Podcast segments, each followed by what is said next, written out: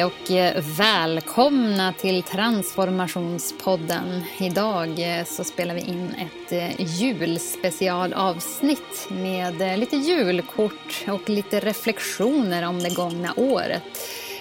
Det har ju faktiskt kommit till ända det här 2020 som vi har stretat med och jobbat både med och emot, höll jag på att säga. Eh, och eh, jag som är med er idag, här som julvärd kan man säga, det är Petra Liuski och med mig så har jag tre stycken härliga personer från Hello Future. Johan, berätta mm. vem du är för de som inte vet vem du är. Ja, Johan Lager som äh, sitter på Hello Futures Stockholmskontor kan man säga, men vi har inte riktigt något kontor längre. Eh, sådär. Vi är ju utspridda över landet. Mm. Eh, men min röst har man väl hört, om man lyssnar på Transformationspodden så har man hört den ganska, ganska frekvent under året, ska vi säga. Mm. Ja, men mm. precis. Välkommen Johan! Tackar! Mm -hmm. Och sen har vi Leif med oss. Ja, precis. Eh, Leif Renström, VD på Hello Futures, sitter på ett av alla våra hemmakontor just nu eh, som jag har gjort större delen av året. Mm. Precis, välkommen ska du också vara. Tack. Mm. Och så har vi Per. Per och Pers bebis som ni kommer få höra här i bakgrunden märker jag. Eh, sitter mm. i Ume och ja, även jag förstås hemma. Men eh, även tillsammans med er känns det som. Det, jag har ju alltid mm. varit vårt liksom minsta kontor. Så nu är det mm. mer utjämnat känner jag. Vad härligt. Ni är på samma nivå. Mm. Ja, men exakt. Varmt välkommen till dig också, Per. Tack. Eh, det ska bli jättekul att få spendera den närmaste tiden här nu tillsammans med er och eh, blicka lite grann tillbaka på vad, eh, vad som har hänt under året. Och det vi har fått till oss är några julkort, några julhälsningar från deltagare eller gäster i tidigare poddavsnitt. Eh, och de så tänker vi att vi ska lyssna till och sen stanna upp lite grann och reflektera kring innehåll och vissa också lite medskick kring frågeställningar och sånt som vi ska prata om. Eh, är ni med på det? Ja. Mm. ja, det ska bli superkul. Ja, vad härligt. Jag tänker Johan att vi kickar igång med den första julhälsningen.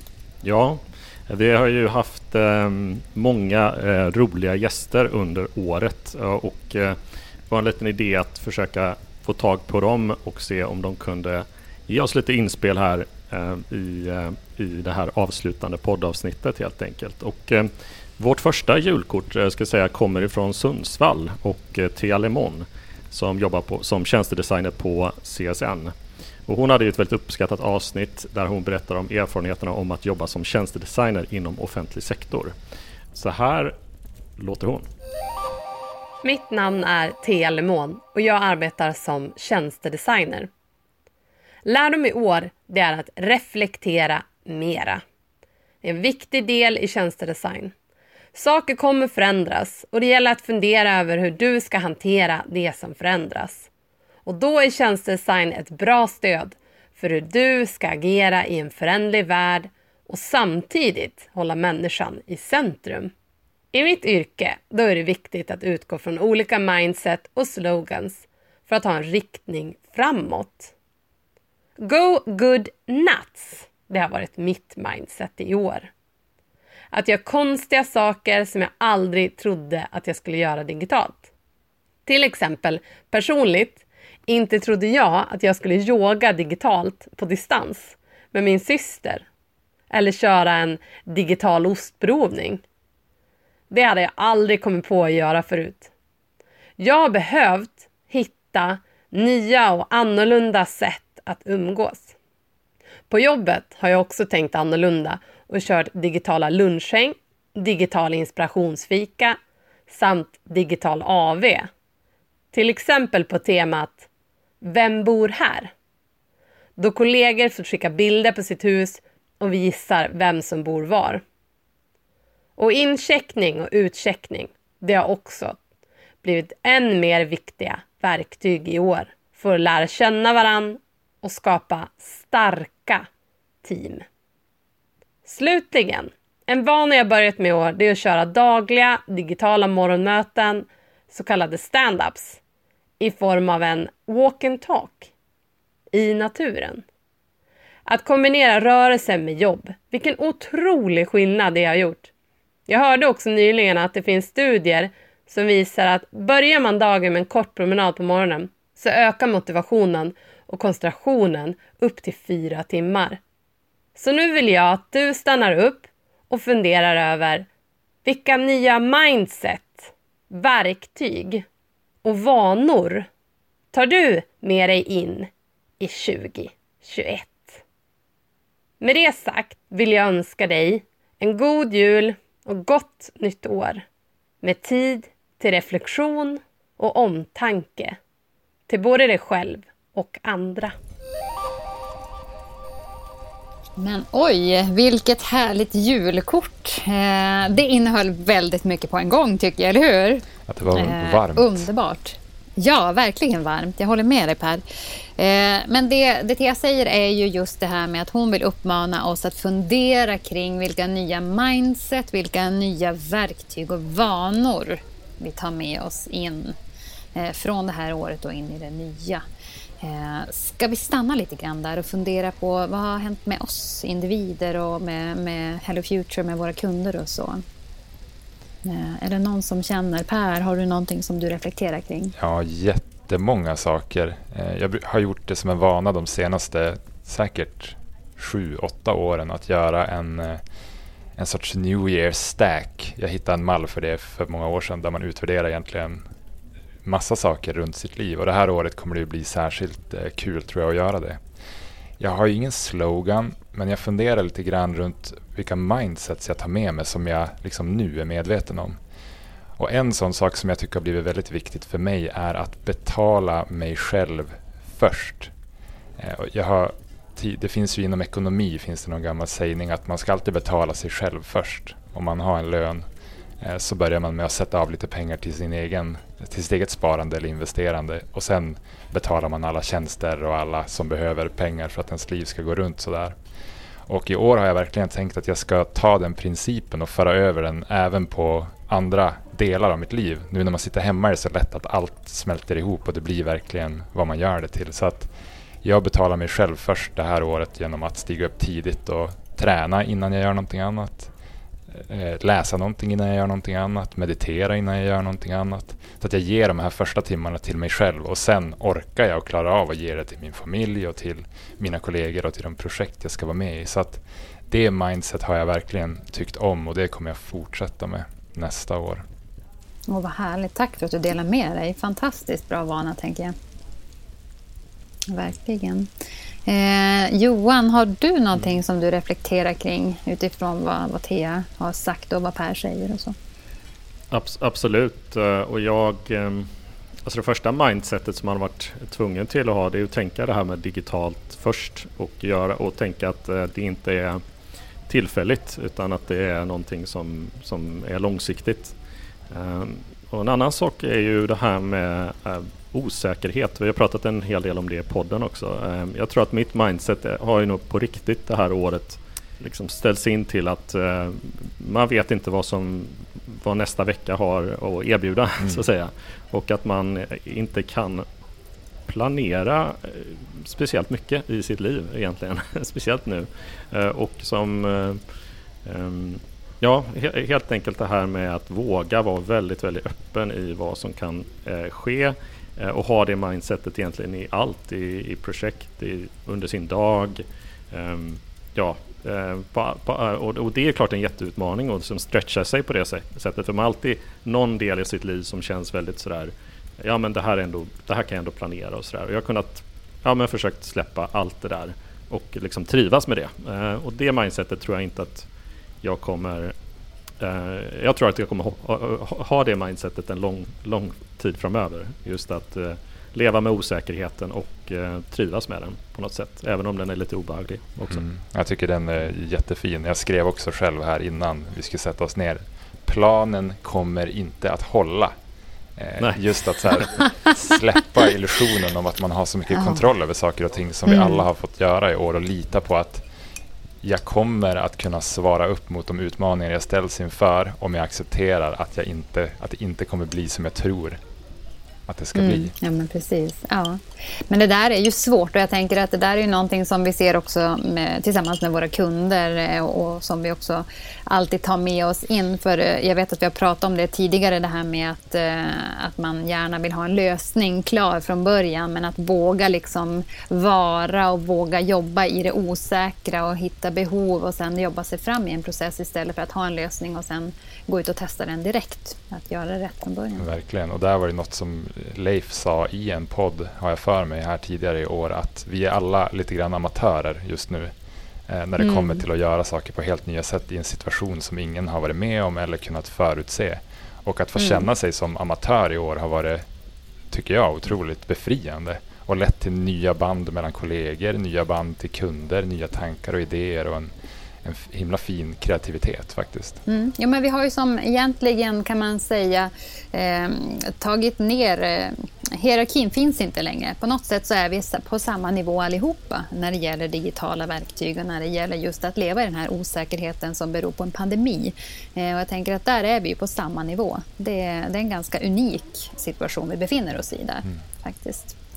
Eh, Leif, har du några reflektioner kring det här med mindset, verktyg och vanor? Ja, det har jag nog. Eh, för mig har det nog varit... Ja, vanligtvis reflekterar jag väldigt mycket. Det, det ska jag säga är en av mina, mina styrkor. Eh, men det här året har jag knappt haft tid att göra det. Så för mig har nog det här med digitala möten och hur tajt man kan boka dem och att lite grann ens kalender har hamnat i händerna på, på andra känns det som har... Eh, ja, det har det finns saker i det som jag tycker om och man kan vara väldigt effektiv eh, och så vidare. Men det, det, har också gjort det, eller rättare sagt, det har blivit väldigt tydligt för mig att man behöver vara väldigt tydlig och eh, medveten om att skapa den här luften eh, för att inte fastna i, i ett slags digitalt mötesekorrhjul.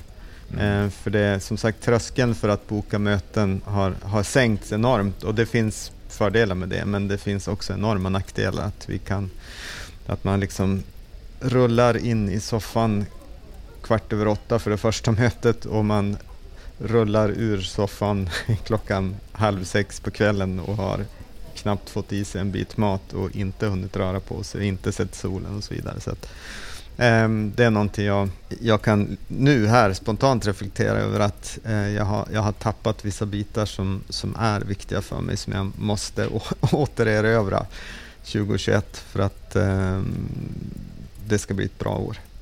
Så, så det var bra att få, få den här påminnelsen från, från Thea att liksom, ut i naturen, gå, liksom starta dagen annorlunda, skapa lite mer luft, eh, skapa, designa in reflektionen och eh, rörelsen. Det, det måste jag göra mycket bättre nästa år.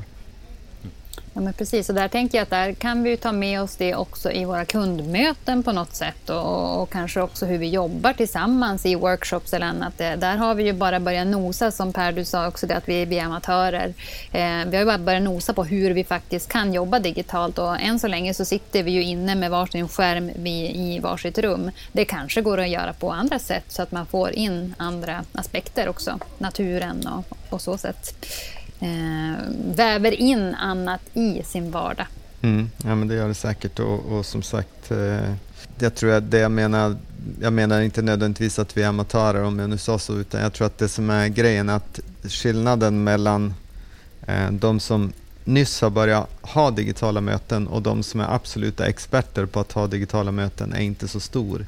För att det har inte det har inte funnits så himla länge. Det finns ett fåtal i världen som är riktigt duktiga på det. De flesta är ungefär jämnbra. Och det är en, det är en ganska ovanlig situation att man, eh, att när man kommer in så tidigt i någonting. Så att, eh, det kan man utnyttja. Det är, ingen, det är fortfarande ingen fara att, att eh, sådär, någonting, ljudet inte riktigt funkar eller vad det då kan vara när man ska in i mötet. Vi är, vi är fortfarande väldigt förlåtande för sådana saker, eh, de flesta av oss. Så att, eh, det kan man dra nytta av. Mm, ja, precis.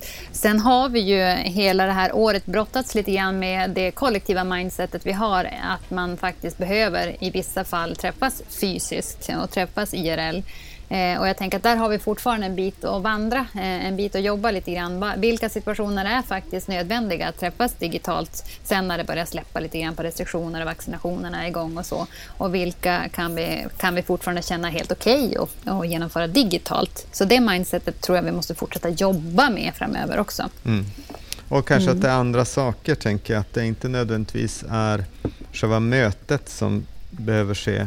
Alltså det, själva arbetet som behöver ske fysiskt i ett rum, utan det, det är mer kanske som sagt den här liksom relationsbiten och den sociala mm. och upplevelsen och att ha kul och att det är den biten som man behöver. Eh, för arbetet går ju faktiskt väldigt bra att göra även, även digitalt. Jag, jag tänkte på det här när vi var i lite grann i, i somras eller hösten här när det, när det kändes som att det, det värsta var över och det gick börja ha vissa digitala möten och man öppnade upp lite med gränser och så vidare så var jag med på ett par styrelsemöten som var, som var fysiska möten ehm, och min slutsats efter dem var nog att det här var inte värt kostnaden av att ta de här mm. mötena. Det var jättetrevligt och kul att ses, absolut, men Eh, tiden det tog att resa, kostnaden att resa, miljöpåverkan, eh, stressen mm. och allting som blev runt det. När man utvärderar den mot sättet vi, vi mest jobbar nu så, så kände jag nog att okej, okay, när man ska ha sådana här möten framöver så ska man nog göra dem annorlunda. Alltså lägga mer fokus på den här sociala, att umgås mm. helt enkelt och kanske lite mindre på ett, ett formellt mötes mötesbit, ja, för den kan man klara av alldeles utmärkt så mm. här. Men just det här att, att hänga, hänga mm. och socialisera, det, den är viktig. Definitivt, det håller jag helt med om. Ja, nej men absolut. Jag har en fråga egentligen till dig eh, Johan. Alltså jag börjar tänka på det här med eh, vad som går förlorat när vi inte får ses. Vi, både du och jag Johan faciliterar ju en hel del workshops eh, för Hello Future och det har ju varit väldigt lärorikt att få göra det helt digitalt. Men min fråga till dig är så att, för att lite som Leif pratade om, man kan, när man får ses så kan det gå ganska snabbt att bygga upp den här psykologiska säkerheten som i alla fall jag kan uppleva behövs för att varje individ ska kunna prestera och få ut sitt bästa i en, i en workshop. Har du någon känsla, är det någonting som har gått förlorat? Går det att kompensera för det digitalt och hur i så fall? Och hjälp, jätte, jättefråga, men bra fråga. Jag har tänkt jättemycket på det faktiskt sista, de sista veckorna här. Att, ehm, och kanske mer från en personligt håll, att det är mycket som jag tillför i en workshop som, som har gått förlorat. Ehm, det finns saker som jag vet att jag kan bidra med i en gruppdynamik och som en ledare av, eh, av workshops som eh, jag inte... Jag har inte kvar de verktygen eh, och jag kan inte, jag kan inte få igång den energin som jag bidrar med Eh, digitalt. Ehm, det är en, och jag har verkligen försökt på många sätt och vis under det här året för jag har kört eh, fulltid eh, med workshops digitalt sedan i mars. Ehm, så det är verkligen en, en, en, fråga hur man kan göra det på. Sen, sen kan man definitivt ha, och jag vet att vi pratade med, med Thea om det i, i podden, att man kan man, man, kan se till att pimpa mötena på roliga sätt. Jag vet inte, nu ser inte de det som lyssnar men vi har ju vi har ju klätt ut oss lite grann här, eh, jul, julkänsla på, på våra ramar och sådär. Mm. Eh, och det kan vara det är de typerna av inslag som kan få ett leende, få, få någon att skratta och sådär. Så mm. det skulle jag nog kanske behöva titta på nu när jag har blivit väldigt van ändå att hålla digitala workshops och möten. Eh, hur lägger jag då till en, en lite sån här kul aspekt på det också? Jag tror, mm. jag, jag tror i alla fall jag är där, att jag kan börja med det under 2021. Eh, mm. Så, eh, helt enkelt. Eh, mm. Mm. Precis. Och för er som inte kan se oss nu så tycker jag att ni går miste om väldigt mycket. Vi har en Leif som sitter och leker med olika filter här. Så att just nu har vi grisöron och tryne. Ja, nu, på nu blir jag psykologiskt säker. Nu vågar jag säga vad som helst. ja, men det är ju det här. Vi behöver ju skapa en värme. Jag tänker det är tillåtande kultur och en värme när vi, när vi träffas digitalt. För det blir ganska avskalat och eh, anonymt egentligen. Jag har nästan ibland känt att man borde boka in en workshop som inte ska resultera i någonting annat än att man får värma upp tillsammans och lära känna varandra. Och stöta och för, för workshop 2 i våra projekt är oftast avsevärt mycket bättre än workshop 1. Mm. I, mina mm. projekt har det varit så i alla fall. Mm. kul. Alltså det är någonting vi borde testa, ett, ett uppvärmningsmöte så att säga. Mm. Hopp och lekmöte. Mm. Jag tänker det, ehm, det, det, har rasslat till eh, här i inkorgen på julkorten. Eh, mm. Så jag tänkte att jag ska, skulle läsa upp eh, nästa här. Jag har kommit från, ja, från Göteborg, det vill säga min hemort och Maria Bemsalem Dynehäll eh, som hade ett väldigt populärt avsnitt eh, för några veckor sedan som eh, hade flera hundra lyssningar bara på några dagar. Hon släppte ju en bok tillsammans med Leif Denti som heter Tokig som vi då pratade lite grann om. Så nu ska vi höra lite grann vad har hon reflekterat över och tänkt under det här året och inför nästa. Hej! Maria Bensalem Dynel här, en av författare bakom boken Tokig att leda i osäkerhet. Eh, år 2020 har ju varit ett väldigt, väldigt speciellt år som eh, synnerligen har präglats av osäkerhet. Och vi har fått eh, förändra våra liv radikalt och ingen vet riktigt hur framtiden kommer se ut eh, när vi väl kommer igenom den här pandemin. Eh, kanske och förhoppningsvis så eh, gör vi det nästa år. Men året har också inneburit att många av oss har suttit hemma på distans och försökt eh, driva våra verksamheter framåt. Eh, det har varit eh, positiva fördelar med det, men också många utmaningar. Det som påverkar människors inre motivation handlar just om att tre saker. Det första, att man upplever att man har kontroll över sina arbetsuppgifter.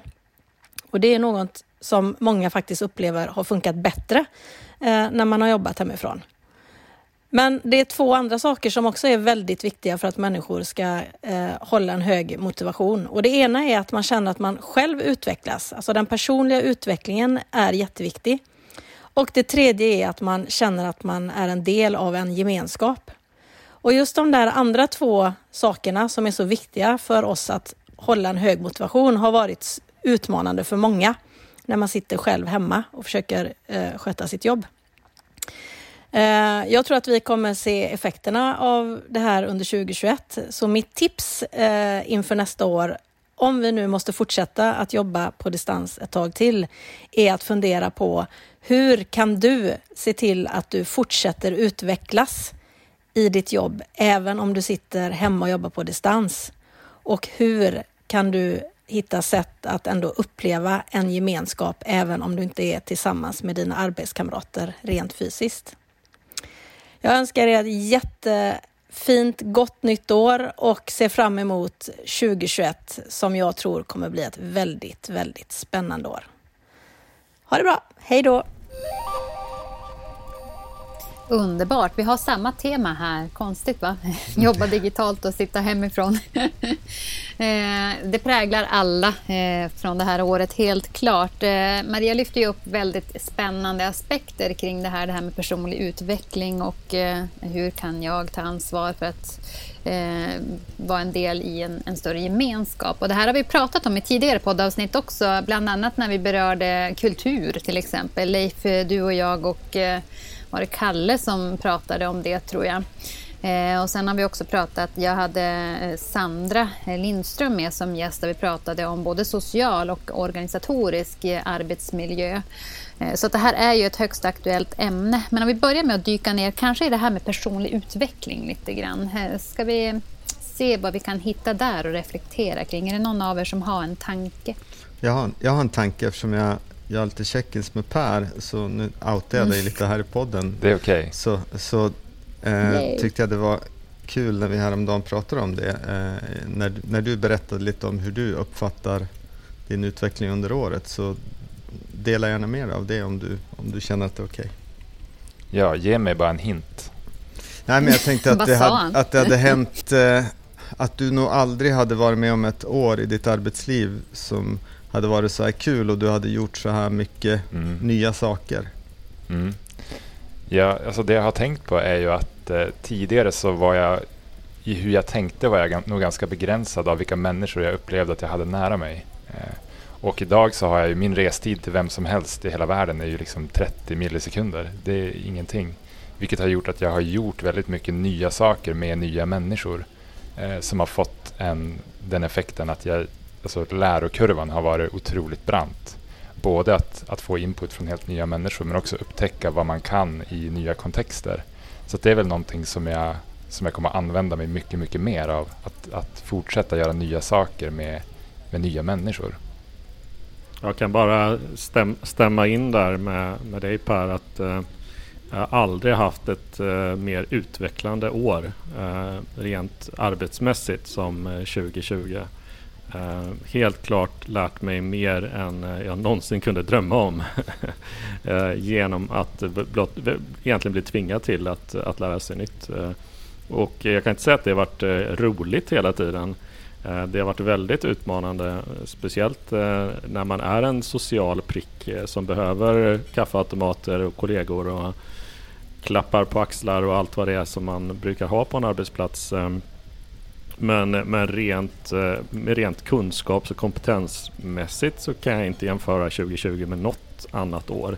Eh, så även om jag ibland ganska ofta tänker att det här är ett mardrömsår eh, på många sätt och vis så är det samtidigt också ett sånt där fantastiskt år på många andra sätt.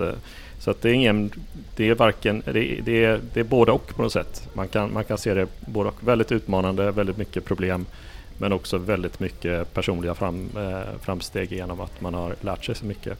Eh, så det vill jag skicka med till de som, som kanske är i det här tugget att det varit ett väldigt tufft år. Inte bara sådär, ja men se det på det, den, den, den bra sidan också, men ändå liksom, ja det har varit tufft men det kan faktiskt vara väldigt utvecklande samtidigt och jag tror ju det att att eh, om man vill vara en lycklig människa så ska man först se vad får mig att eh, växa och utvecklas som människa. Eh, för eh, eh, det är kanske inte alltid de, de roligaste sakerna. Men sen när man har utvecklats eh, och känt att man har lärt sig någonting och växt som människa då hittar man någon typ av lycka. Nu låter jag som en sån här lyckoguru här men, men det, jag, jag tror ganska hårt på det faktiskt. Att, att eh, lycka och någon typ av framsteg och eh, växt i sitt liv. Eh, det, det, det kommer eh, av, av utmaningar och nya, nya lärdomar helt enkelt. Så absolut. Mm, vad härligt. Tack för att du delar med dig där. Då har vi en, en, en ny etikett på dig, då, Lyckogurun på Hello Future. Yes! Ja. Vad härligt. Nej, men jätte, jättebra reflektion, det tycker jag verkligen. Leif, har du någonting mer som du känner att du landar i kring det här? Ja, men jag, jag tänker lite på att det är nog ganska vanligt att man tänker att ett år har varit lite sådär. Förut var det bra, det här året har varit lite sådär, men det ska bli grymt bra. Alltså, det är ju en, mm. Om man har läst den här boken Nextopia av Mikael Dahlén så pratar vi mycket det. om det, att det finns liksom en det finns en sån formel som är helt normal för egentligen alla människor oavsett nästan vad man drabbas av så, så följer man den. Våra hjärnor funkar så på ett sätt att vi, vi förskönar det som har varit. Eh, vi tycker att det vi är just nu är lite jobbigt och dit vi ska, det kommer att bli hur bra som mm. helst. Och det är på något sätt den här liksom mänskliga drivkraften och utvecklingen. Och så fort man tappar den, då, då dör man. Um, och det visar sig att även om man råkar ut för hemska saker så brukar den här, det brukar komma tillbaks och tankesättet blir så här. Mm. Um, så att det, det kan man nog, det ska bli spännande att se hur vi, hur vi reflekterar på 2020 och det här pandemiåret om ett par år, när man minns mm. tillbaka. Liksom om, om det bara kommer att vara som en dimma för att man man bara satt hemma och gjorde ungefär samma sak eller om man kommer att minnas det som ett enormt utvecklande år. För att jag tror att det, det för mig i alla fall är det jättesvårt att säga nu. Jag tänkte på det, vad var liksom min personliga utveckling i år? Jag känner snarare att det har varit gått bakåt nästan. Men mm. det tror jag för den här, det som jag pratade om tidigare, att jag har haft så lite tid till, till reflektion, eh, mycket mindre än vad jag brukar ha. Jag brukar vara, jag brukar vara mer liksom tänka längre, större och i år har jag fått tänka mer här och nu och mindre för att hela Ja, det känns som att hela världen har blivit så på något sätt. Att allt, den här osäkerheten som du pratade om Johan, liksom har gjort att allting har blivit mycket mer här och nu. Och det, det finns säkert bra saker med det också. Så att mm. om, om ett år kanske jag vet vad, jag, vad, vad som händer med mig 2020. hur var det för dig då Petra? Vad, vad tänker du om Eh, Eh, ja, jag, tänker, jag håller ju med i allt det ni säger. Eh, absolut att det, det, har varit, det har hänt mycket för mig. Men det jag känner att jag verkligen har bidragit till och, och har reflekterat kring att jag bidragit till det är ju att hjälpa andra att utvecklas personligt. Dels mina kollegor och liksom hitta ett sätt eh, att, eh, att få alla att känna sig, eller alla, men vissa känna sig mer bekväma i det nya. Eh, fånga upp andra. Så jag känner att jag har som och, och, det ger ju mig en personlig utveckling när jag har fått stötta andra, för det älskar jag att göra. Eh, jag har inget behov av att, att vara i centrum eller vara den som, som tar plats, utan jag vill ju stötta de andra. Och det har jag kunnat göra jättemycket i år, både privat och i jobbet. Eh, så det känns verkligen fantastiskt. Och där har jag vuxit väldigt mycket. Top. Så det tar jag med mig, helt klart. Eh, om vi tittar på det Maria nämnde också, det var ju det här med att kunna vara en del i en gemenskap, mm. att ta ansvar för hur kan jag eh, vara eller skapa en del i en gemenskap och bidra till den. Eh, vad har vi att tänka kring där? Vad gör vi själva och vad, vad skulle vi vilja göra? Bara en, en kort eh, också eh, reflektion kring det, så att inte vilja vara i centrum. Eh, och det har just med gemenskap att göra. För jag jag gillar ju att vara i centrum eh, på ett bra sätt tror jag. Alltså inte på ett självupptaget sätt utan jag tror att jag... Eller centrum kanske är fel att säga men jag, jag, jag gillar att kunna, kunna ställa till med lite låda och, och, och sådär eh, i, i mitt liv. Um, och uh, det, det har jag tänkt på lite grann hur, hur mycket som funkar digitalt men som, det som verkligen inte funkar är just den här den rollen eh, som man har och det man kan bidra med på det sättet. Så jag tror att man kan... Eh, ja, tillbaka till den frågan, en jätteviktig fråga. Hur, hur ska vi bygga gemenskap när vi, när vi bidrar dynamiskt till en gemenskap med olika roller och olika personligheter? Där, vi, mm. där, vi kan, där man kanske digitalt känner sig lite... I alla fall jag känner mig lite lost i, i det, måste jag säga. Eh, och har väldigt mycket. Och ibland känner jag bara så att det finns inget att göra för att jag är, mm. jag är fast på Zoom. Um, får bara eh, zoom-pranka oss, oss andra. Ja, precis. precis. Okynnes-zooma.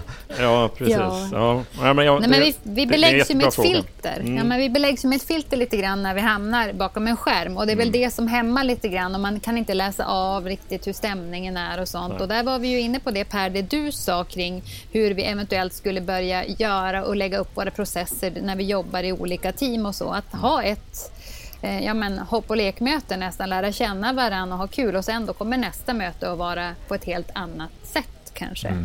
Eh, kan det vara en möjlighet hur vi, vi aktivt skapar gemenskap? Är det där vi ska börja grotta eller är det något annat? Alltså, jag, jag har alltid i min person så finns det alltid en vilja när man har digitala möten att vara otroligt effektiv. Jag vill helst, alltså in, intuitivt vill jag bara börja och köra mm. och sen sluta. Vilket ju är mm. bedrövligt för den här gemenskapen. Så jag har en sak som jag har försökt göra i år är att bli bra på att dela med mig av många små saker. Alltså, det kan vara till, till kollegor men också till familj. Att ta liksom en bild varje dag och skicka och berätta om någonting som jag annars aldrig skulle tycka var värt att ta upp. Till exempel att jag har köpt nya skor. Eller att jag mm. har sett någonting på Netflix eller så. Vad jag mm. åt igår. Vilket känns jättekonstigt men det leder ofta till att folk får en liten, liten bild av vad som händer i mitt mm. liv och sen har man någonting att prata med och små saker mm. växer och blir stora saker. Så att för mig har det nog handlat om att ta det ansvaret, att våga bjuda in folk för att annars kommer folk inte in digitalt på Nej. samma sätt. Och där är det ju samma sak det här som vi har nämnt några gånger, kaffeautomatsnacket som tyvärr skalas bort helt och hållet när vi har våra egna individuella kaffeautomater hemma vid. Eh, och där tänker jag också det är ju någonting som man kan göra sådär med som du säger, skicka en hälsning eller göra något. Jag vet förra veckan så ringde jag upp en kollega och så sa jag bara okej, okay, digital kaffeautomat nu? Frågetecken. Ja, okej, okay, då hade vi det. Mm. Eh, och så sen pratade vi om väder och vind och lite sånt i bara två minuter och sen gick vi över till nästa. Så att jag tror också på att vi behöver vara väldigt aktiva i de där små, kanske till synes betydelselösa samtalen, men de, de kittar ihop oss på något sätt. Eh, helt klart. Eh, någon annan reflektion kring det här, hur vi kan bidra till att skapa gemenskap? För nu pratar vi om det närmaste teamet. Jag menar, vi har ju ett större team och vi har ju kunder, vi har relationer och allt möjligt. Johan, hur tänker ja, du? Ja, jag har en, en reflektion i, i den frågan kan man säga. Det är ju bara som jag har jag har nog aldrig tidigare i mitt liv förstått att vi är väldigt olika som människor. Det känns väldigt basalt. Alltså alla vet det, vi är olika personligheter, vi har olika... Men det har blivit så mm, eh, väldigt svart och vitt för mig, eller så väldigt, väldigt tydligt för mig när vi har hamnat i den här situationen. Hur olika personer trivs på olika sätt i, i det digitala, eh, i, just med sin personlighet. Inte bara i att ja, men jag är inte så duktig på en Eh, på att göra eh, digitala möten till exempel. Det är mer en kompetens så att säga, som man kan utveckla utan det är mer så här hur olika personer bidrar på en arbetsplats på olika sätt. Ehm, och eh, jag har tänkt mycket på mina ja, men gamla kollegor som jag haft under, i, i livet och sett att liksom, ja, men jag saknar den där typen av karaktär, jag saknar den typen av karaktär för de Eh, försvinner kanske bort lite grann. Eh, så det är väl en fråga in, innan man går in och, och, tänker på hur, eh, för det kanske någon annan ska svara på än, än, än mig, så är det ju liksom hur och just med bakgrund av att vi har, som vi som jobbar med tjänstedesign, vi har ju olika personer, vi har ju olika karaktärer som vi, vi tänker på när vi, när vi jobbar med design och lösningar och så vidare. Och nästan så måste man tänka internt också, sådär att eh, ja, men vi har den här typen av personlighet för de här typ, och hur, hur kan vi då Eh, skapa, skapa en, en kultur med de förutsättningarna som är på ett helt, på ett helt mm. sätt. Jag, jag kan känna att vi, vi, jag tycker vi tappade den här biten desto längre året gick på eller Future, desto sämre tycker jag vi blev på det här. Eh, vi var ganska liksom naivt glada och uppfyllda kring det under våren och gjorde mycket liksom, aktiviteter som inte var arbetsmöten men desto längre året gick desto mer eller så är det bara för att jag tycker att jag själv fastnade i så mycket liksom effektiva, att, att behöva vara effektiv i åtta möten per dag. Eh, men men jag, jag, tror att vi, att vi gick lite, vi pratade om det här men vi, vi tappade bort det själva. För att vi, vi skulle vara så sjukt effektiva och allting blev så kortsiktigt och det blev så här och nu. Och, det, liksom, det fanns ingen, man, ingen orkade ens tänka två veckor bort för det var liksom, det kändes som en, ja, man hade hundra grejer man skulle göra innan dess. Det var liksom för kognitivt jobbigt att ens tänka så. Ja men exakt och där tänker jag att där hamnar vi ju i det här med att vi faktiskt för att bibehålla vanor så behöver vi påminna oss själva och varandra att fortsätta med det vi har börjat med för att eh, det är ju som kondition, vi måste hela tiden upprätthålla det. Eh, och jag tänker att vi, när man hamnar i det här med att göra, lösa här och nu, då hamnar man också lite grann i nånannanismen, som jag tror vi har nämnt någon gång i någon av våra poddar. Att man tänker att, tänker att det är inte mitt ansvar, någon annan tar säkert den bollen och så vidare. Eh, och den behöver vi ju trycka undan verkligen. Eh, så att vi, vi tar ansvar, vi hjälper varandra och vi växeldrar. För det kan ju inte vara så att alla ska in och vara sociala och liksom ta ansvar samtidigt och sen är det ingen. Utan vi behöver ju växeldra på något sätt, tänker jag. Eh, ska vi sätta ett litet kommatecken där? För jag är jättenyfiken på vad vi har fått för, eh, mm. för fler julhälsningar. Ja. Fortsätter vi säkert i samma banor, tänker jag. Absolut, och vi har ju fått en, en hälsning från Östersund eh, från Andreas Silverdal som till vardags jobbar som eh, förvaltningsledare på Region Jämtland Härjedalen. Han eh, dök upp i ett eh, poddavsnitt här under hösten och pratade om förändring som utlöser kriser och vad de där kriserna kan, kan eh, eh, ja, eh, vad det kan ställa till med egentligen på en mer personlig nivå och på mänsklig, eh, på mänsklig nivå. Eh, så vi ska ju se vad han har eh, eh, skickat för hälsning till oss här då. Förändring, för vem då? Förbättring, för ganska få. En reflektion som jag har tagit med mig eh, sista tiden och som jag vill skicka med som ett medskick eh, inför nästkommande år är just apropå lite det tema som jag delade lite min erfarenhet kring när det kommer till kriser och förändringsledning så vill jag skicka med en tanke eh, som just berör det här med förändring. Eh, och eh, jag menar att en förändring endast accepteras om den uppfattas stärka individen eller gruppens självbild. Och ingen människa, som jag delade i mitt avsnitt uppskattar att få förändring pålagt sig utan att få ha varit med i ett involverande skede. Och att driva förändringsarbete är ju något som alltid innebär avväganden som antingen missgynnar eller gynnar eh, vissa grupper. Och om man ska leda förändring så bör man både för sin egen del och för de man leder fundera ut vilka konsekvenser den här förändringen kommer att få.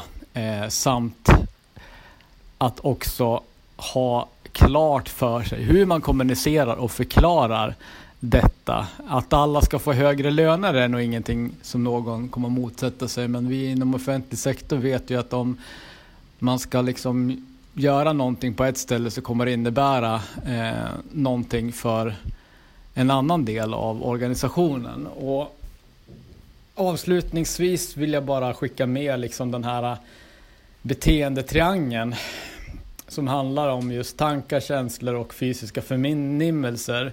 Och i det liksom loopande system som vi människor rör oss i så är det precis de här beteendena som kommer att styra oavsett vad det är för föreställning eller metod vi försöker driva igenom. Om det är ett nytt system för att hantera löner eller om det är en omorganisation eller vad det än är. Så ta med och tänk på förändring utifrån de människor som kommer påverkas i sina känslor och i sina tankar av det man ska göra. Det var det. Tack! Oj, vad härligt och ganska djupt tänker jag.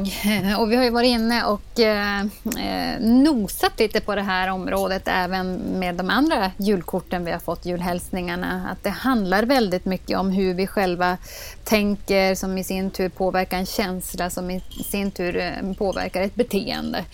Eh, vad säger ni kring det som Andreas skickar med oss här? Förändring, eh, kommunikation slänger han in som ett viktigt begrepp också. Att man ska involveras i det här arbetet för att känna att man, man tar sig an förändringen. Eh, Johan, har du någon reflektion där till att börja med? Ja, det är, det är väl som en, också som en kanske liten eh, eh mot, motsats till det jag pratade om tidigare, att vi har utvecklats och vi har lärt oss saker Eh, man får inte glömma att ehm, det som har hänt i år har försämrat för väldigt många och det har blivit väldigt dåligt för många människor. Eh, och det är väl bra att ehm, ha, ha det i bakhuvudet egentligen, att, att förstå det överlag i förändringsarbete också som Andreas säger. Att eh, tänka verkligen på vad, vad får det för konsekvenser i längden om vi gör det här. Och det är klart att man kan, man kan inte göra det bra för alla helt enkelt i ett förändringsarbete. Eh, men, men det är i alla fall något jag tar med mig om att, eh, att, att, ha, att ha lite sådär empati i, i det vi går igenom nu med när det gäller att eh, det, det är många som, som fått det sämre helt enkelt och, och det, det, påverkar även organisationer naturligtvis. Leif, du har någonting där på on your mind? Ja, jo, men dels skulle jag Ja, men två saker kanske, två tankar fick jag samtidigt så nu vet jag inte vart jag ska starta. Men om jag börjar i, i att tänka det här. Jag brukar ibland i mina bästa stunder försöka hålla borta det här med vad som är bra och dåligt. Mm. Och istället tänka att det är. Um, allting har outcomes. Och om man ser dem som bra eller dåliga skiftar ju väldigt mycket liksom, beroende på vem man är som person, vart man är i livet och vilken grupp man tillhör och vad, vad, vad det då kan vara. Det kan bero på massa mm. olika saker. Och, eh, ibland så är, eh, tar man sig inte så lätt framåt om man ska försöka göra saker bra. Eh, för att eh, vad, vad är bra liksom? Eh, och för vem och i vilket sammanhang och på vilken tidsaspekt. Jag menar, det, ett, ett enkelt exempel på det kan ju vara att om jag, om jag slutar äta eh, sötsaker som, som jag tycker om så är ju det bra för mig på sikt att göra det, för det minskar risker för diabetes och annat. Eh, mm. Men jag kommer inte att uppleva det som bra idag och imorgon och på lördag. Mm. Eh, så att den tänker jag man kan ha med sig ibland, att det, det, är inte alltid så lätt att säga vad som är bra och dåligt, utan ibland kan man få använda andra typer av beskrivningar på, på effekter. Eh, och, och mm. låta människor göra sina egna tolkningar och inte berätta för dem vad som är bra och dåligt. Eh, det andra mm. jag tänkte på var att jag håller till stor del med att eh, samskapande och så, det är klart jag tycker det är bra. Vi jobbar ju med, med människocentrerade designmetoder, men ibland kan det också räcka med att man har haft det perspektivet och måla upp en, en spännande bild av vart man ska någonstans för att få människor med på en resa också, är, är vår erfarenhet. Att det är inte alltid så att alla behöver vara med hela tiden i allting.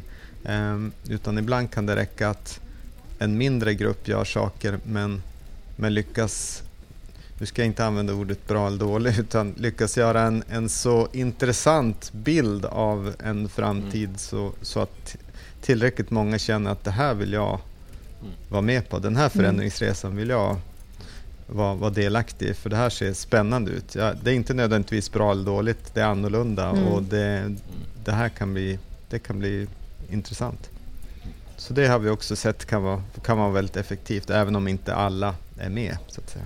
Nej, Nej men precis. Och därtill så kommer ju det som Andreas nämner också, kommunikation. Mm. Att kunna sen förmedla det här, paketera det och göra det tydligt så att man kan bilda sig en uppfattning utifrån den visionsbild som man då har tagit fram. Mm. Mm. Ja, men det är jättebra. Per, vad tänker du kring allt det här? Förändring kan utlösa kriser och det handlar om samskapande och kommunikation och känslor. Ja, eh, jag började tänka på eh, en... Eh, jag tycker det är spännande med mentala modeller och tänkande i allmänhet. allmänhet alltså hur, hur kan man angripa problem eh, från olika vinklar med hjälp av mentala modeller? Eh, och mm jag vet att eftersom jag stalkar dig Leif så vet jag att du har läst en bok som handlar om mentala modeller. Eh, mm. Det finns en, en blogg som heter Farnham Street som jag brukar läsa förut som just lyfter fram olika mentala modeller. Och när Andreas här pratade så tänkte jag på eh, aligning incentives som mental modell. Alltså att lösningen på många beteendeproblem eh, kan vara att titta på vad olika människor har för incitament som driver på det här beteendet och försöka att få dem i linje med vad det är man vill uppnå. Eh, och jag vet att det är någonting som jag har försökt göra eh, i år just för att kanske inte nödvändigtvis få med alla till 100 procent på någonting men att kanske undvika de här som åtminstone skulle kunna kliva in och stoppa en process sen eller ta bort energin från den. Mm. Så att eh, mentala modeller. Jag måste bara fråga Leif, stämmer det att du har läst den boken som, som den här killen Shane, tror jag han heter, har skrivit och hur var mm. den i så fall? Den var mm. inget vidare, men jag har läst mm. den. okay. ja, den var precis, den var lite väl grund skulle jag säga. Mm. Okay. Den var bara mer en mm. uppräkning av ett antal mentala modeller och lite vad mentala modeller är. Mm. Ehm, så man kan läsa andra böcker istället. Så då vet ni det. Det var en kort recension av, av, en bok där. Mm. Precis, dagens inte boktips. Eh, ja, men det är bra. Eh, nej, men det är ju otroligt spännande och som sagt, vi lever ju mitt under en kris just nu eh, och eh, förändring som, som i sin tur också påkallar och påskyndar ytterligare förändring och utveckling. Så det är otroligt intressant att leva och verka i dagens samhälle. Det kan vi ju inte säga någonting annat om. Men också påfrestande som sagt. Eh, jag tänker att eh, vi, vi gör bara den korta nedstampet där och så sen går vi vidare lite grann. För nu har vi en spännande hälsning mm. från en som har varit med tidigare och också hälsat lite grann tidigare till oss. Ja, eh, vi har en, eh, ett kort härifrån, eh, kort och hälsning då från Stockholm. Det är Karin Tenelius på Tuff ledarskapsträning och hon var inte med i podden under 2020 men hennes avsnitt fortsätts och lyssnas på om och om igen Eh, så vi hoppas att eh, vi kan få till ett, ett till avsnitt med henne här eh, snart nästa år. Och vi tänkte också att hon är verkligen experten på ledarskap. Så jag, jag, jag gissar att det är någonting kring det som hon vill skicka med oss. Men mm. vi får höra. Ja, vad har vi lärt oss i år? Jag heter Karin Tenelius och jobbar på Tuff ledarskapsträning och vad jag tror är det absolut mest lärorika för en massa chefer är att de har lärt sig att lita på sina medarbetare. De har varit så illa tvungna att lita på att de är självgående, att de gör det de ska, när de inte sitter framför dem hela tiden utan jobbar på distans. Och det i sin tur tror jag påskyndar utvecklingen mot mindre hierarkiska organisationer, mot självstyrande team, Det påskyndar agila utvecklingen. Så att på det sättet så är det någonting som har kommit som är bra med det här tillståndet som vi har varit i mestadels av året. Eh, och om jag ska titta framåt då, så vad jag skulle önska mig för nästa år, det är ju mer av den varan egentligen. Och att vi tar med oss det om vi förhoppningsvis blir, att det blir ett normaltillstånd igen. Att vi inte går tillbaka till det vanliga utan att vi lär oss av det som vi var tvungna att lära oss i år. Det är vad jag hoppas. Vad härligt och vad skönt att få eh, lite så här hoppfullhet och lite positiva vibbar från det här året också. För nu har vi varit lite mörka tänker jag ändå. Eh, Karin sätter ju verkligen fingret på någonting som vi alla egentligen tror jag eh, är medvetna om och känner men vi har inte berört det än. Att vi faktiskt har både känt och, och gett och tagit emot eh, det här med tillit på ett helt annat sätt i år. Eh, och det är ju en fantastisk eh, möjlighet vi har här. Eh, om jag bara slänger upp ordet tillit i luften, vem grabbar tag i det och börjar reflektera? Ja, men jag skulle kunna reflektera utifrån hur det har varit att inte vara chef då i en organisation. Ja. Mm. Jag, innan jag började på Hello Future så drev jag eget företag i nästan tio år. Så att en viktig aspekt av där jag skulle hamna när jag inte ville göra det längre, det var på en plats där jag kunde fortsätta ha den känslan av att jag, jag, var, jag var litad på. Jag, jag liksom ville inte gå in i någon hierarki. Det, det, skulle nog inte funka så bra med mig. Jag har aldrig varit så intresserad av det. Eh, och nu så blev det ju ett eh, genuint test av vad det egentligen är för kultur vi har när det blir ett pressat läge. Och som, som medarbetare så har jag upplevt att det har varit eh, väldigt fint att se att det har varit så som det har liksom, som, så som vi vill att vår kultur ska vara. Det vill säga att vi är relativt självstyrande, vi har en hög tillit, vi är en organisation där man inte alltså, tänker särskilt mycket på vem som står över någon annan. Det, det finns inte i mitt huvud i alla fall. Så att jag eh, jag känner mig trygg med vart jag har hamnat eh, tack vare i år. Eh, det, det, är väl min personliga reflektion. Mm. Tack så jättemycket. Jättebra. Eh, ska vi eh, skicka över ordet då till Leif som eh, ju är chef idag. Eh, vad är din tanke kring det här och det Karin säger? ja, att jag är chef. Gud, så brukar jag inte tänka. Ehm, Ledare. Eh, ja, precis. Ja, nej men det är ju, det är ju så. Ehm, och det var väl en av tänker jag, anledningarna för oss om, om man blickar in lite på, på vår egen verksamhet att vi kunde ställa om så snabbt var för att det, det var inget märkligt att, att folk kunde jobba hemifrån och att vi hade alla liksom, system och vi hade tilliten och, och så vidare. Så vi var ju snabbt igång där. Um, men just det, vi skulle hålla det positivt, det var ju det. Mm. Kom igen Leif, ja, någonstans nej, men, finns det. Ja, men det, det, är, det är ju härligt och man ska inte glömma bort det, för det finns ju alternativ också. Det, jag har själv sett på, på nära håll eh, hur en del andra organisationer har arbetat, eh, en, en, internationell organisation bland annat, där, mm. där folk eh, lite grann, du vet, ungefär som att man fuskar att stämpla in åt varandra så ja, men man håller igång sin mobiltelefon med den här appen öppen så att det syns att man är mm. på jobbet liksom, medan man egentligen gör andra grejer för att Ja, men bara för att det är viktigt med den liksom, appearance-biten och folk sitter faktiskt och kollar och typ bokför sånt. Så att mm. det, det, här digitala samhället gör ju också att det finns tvärtom möjligheten också att kontroll kan mm. bli liksom, fruktansvärt starkt om man, om man släpper iväg det.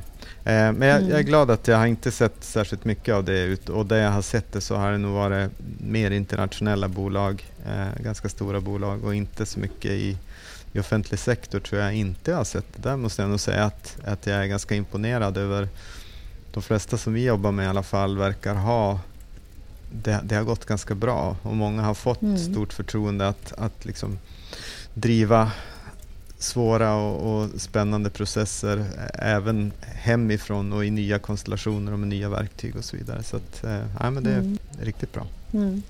Precis, och där tänker jag att eh, jag håller med dig att just offentlig sektor sticker ut bland mina vänner och bekanta och, och, i mitt nätverk att där har det varit en självklarhet att man ska kunna jobba hemifrån och man har verkligen gjort allt för det.